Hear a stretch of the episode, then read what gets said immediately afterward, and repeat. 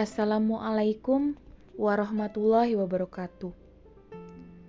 Selamat malam, teman-teman semuanya. Bagaimana kabar teman-teman hari ini? Semoga teman-teman dalam keadaan sehat, bahagia, dan senantiasa bersyukur. Hmm, sudah lama saya tidak cuap-cuap menyapa teman-teman dan malam ini saya sangat merindukannya.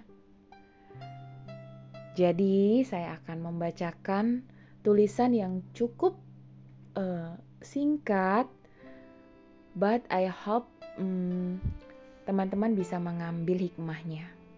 Amin. Tulisan uh, yang saya tulis hari ini berjudul "Jika Debu Ibarat Dosa". Kita sering melihat ruang penuh dengan debu. Ketika mencari tahu, penyebabnya adalah ruangan tersebut jarang dibersihkan dan dekat dengan jalanan yang dilalui kendaraan. Bisa dibayangkan jika tidak pernah dibersihkan dalam beberapa hari saja, akan menjadi musuh utama bagi pemilik penyakit asma atau alergi debu. Selain itu, tidak akan bersahabat dengan sistem pernapasan kita. Sekarang, kita bayangkan debu adalah kesalahan atau dosa kita.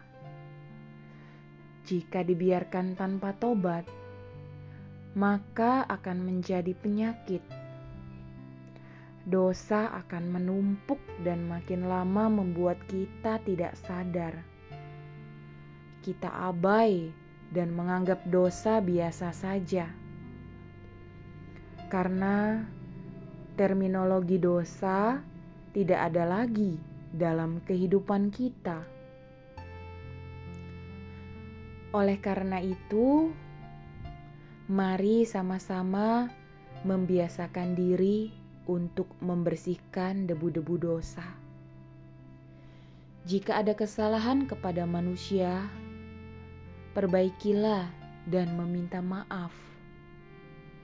Jika dengan Allah, maka tobatlah dengan tobat yang sebenarnya.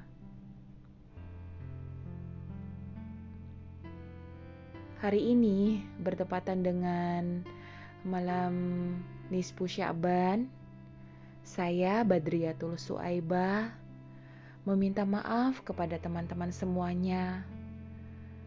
Barangkali dari tutur dan tingkah saya mengandung kekhilafan, hmm, kesalahan, dan hal-hal yang menyakiti teman-teman semuanya.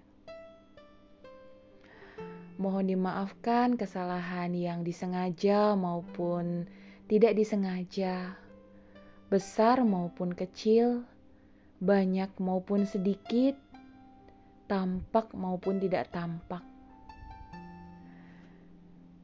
Hmm, selamat malam, selamat istirahat. Jangan lupa menunaikan ibadah wajib dan sunnah sebelum istirahat. Bagi teman-teman yang bekerja pada malam hari, selamat berjuang. Jaga kesehatan. Lot of love. Hello, Braver.